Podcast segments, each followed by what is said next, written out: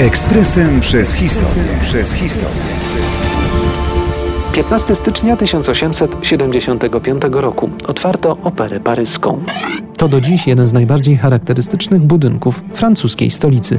Być w Paryżu i nie zobaczyć, przynajmniej z zewnątrz gmachu opery, trudno to sobie wyobrazić. Budynek powstawał w burzliwym okresie francuskiej historii i stąd liczne problemy.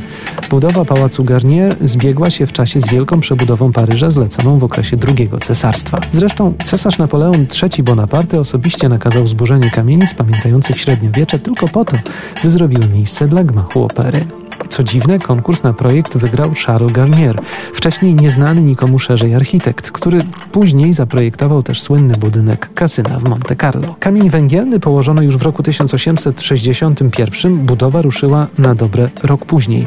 Zamysł był prosty: pokazać, jak wspaniałym mecenasem kultury jest cesarz. Jak się okazało, teren pod operę wybrano fatalnie. Mówiąc szczerze, najgorzej jak to było możliwe. Trafiono na podziemne jezioro, a wypompowywanie wody trwało wiele miesięcy. Wybuchła też w międzyczasie wojna francusko-pruska i sprawy kultury zeszły na dalszy plan. Dopiero w styczniu 1875 roku opera zainaugurowała swoją działalność.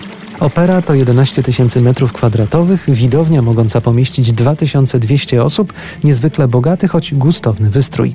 Od 1964 roku sufit zdobią freski Marka Chagala. To właśnie w operze osadzono akcję powieści Upiór w operze, o czym już w naszym cyklu opowiadaliśmy. Ekspresem przez historię. Przez historię.